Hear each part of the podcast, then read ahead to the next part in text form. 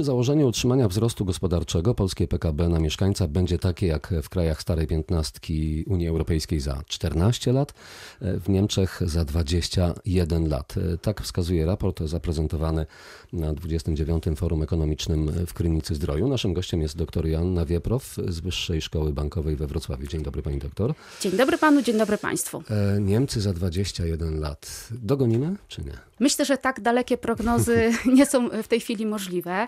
E, Specjaliści ale... mówią, że prognozować można na rok do przodu. No tak, myślę, że to maksymalnie jeden rok można przewidzieć pewne sytuacje gospodarcze, ale... No, ale taka perspektywa 21 lat pobudza do, e, do różnych refleksji. Na pewno tak.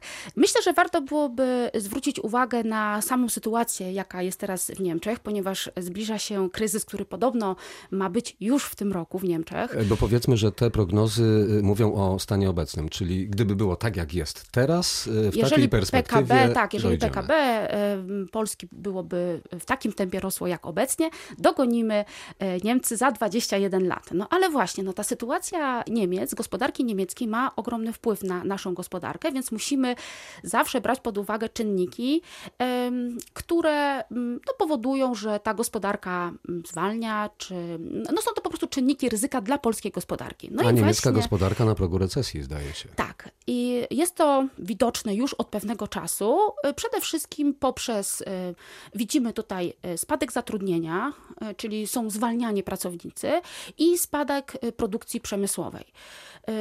To są takie główne czynniki, które zwiastują nam kryzys. Co jest powodem tego? No przede wszystkim powodem są dwie rzeczy.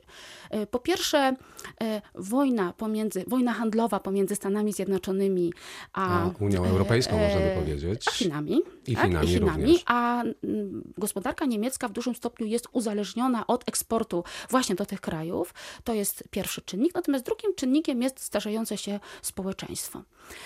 No i efektem tego jest to spowolnienie gospodarcze, które ma też wpływ na gospodarkę w Polsku, czy może mieć wpływ na gospodarkę polską, ponieważ E, prawie 30% naszego eksportu polskiego jest do, e, do Niemiec. Skierowane do Niemiec. Tak. Można powiedzieć, że e, Niemcy nam się troszkę przybliżą przez to, że u nich z gospodarką troszkę gorzej, ale z drugiej strony nam się oddalą, ponieważ to, co u nich się dzieje w gospodarce, wpływa na naszą. Tak, no właśnie, właśnie poprzez ten eksport Polska jest uzależniona, w jakimś sensie eksport polski jest uzależniony od tego eksportu do Niemiec, ponieważ i pośrednio do Chin czy do Stanów Zjednoczonych, ponieważ w naszym kraju produkuje się dużo części do maszyn, które są potem eksportowane do tych właśnie krajów. Więc jeżeli tam będzie źle, to i również to odbije się na sytuacji polskiej. Choć rzeczywiście e, cały czas mówi się o tym, że sytuacja e, gospodarki polskiej jest bardzo dobra. Powiedziała Pani, że prognozy dłużej niż rok nie warte wspomnienia, ale jednak te 21 lat jest realne? Myślę, że tak. E, ja myślę nawet, że szybciej. Szybciej. No biorąc pod uwagę to, że Polska jest liderem wzrostu w Unii Europejskiej.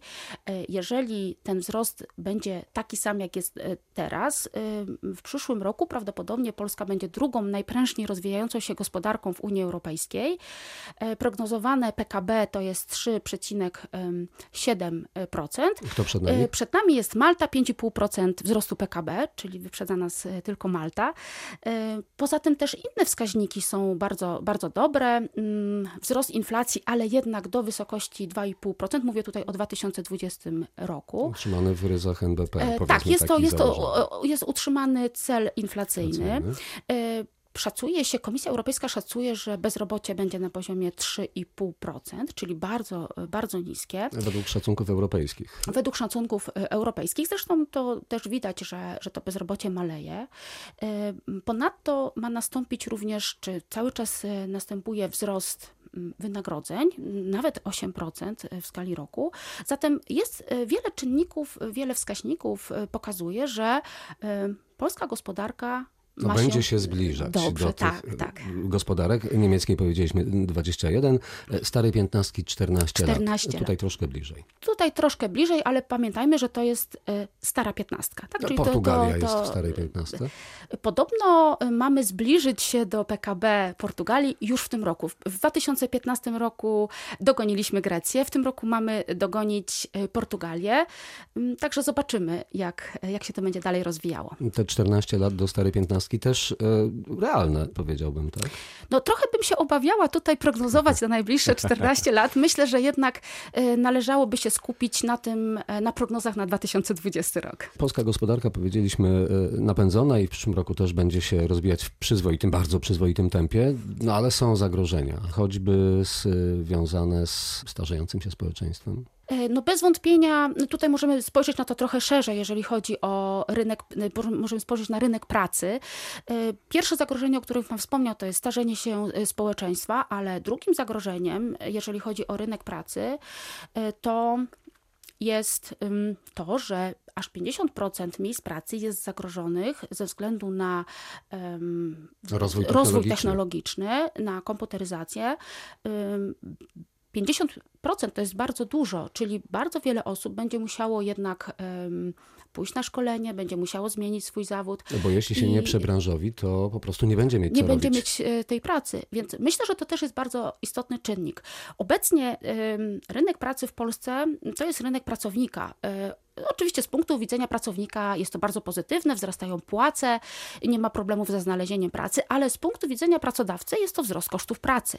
A jednak e, nasza e, gospodarka też utrzymuje tą konkurencyjność dzięki właśnie niskim kosztom pracy. Więc jeżeli te koszty pracy będą rosły, no to też również konkurencyjność się zmieni. Czyli zagrożenie tutaj dla szybkiego wzrostu istnieje.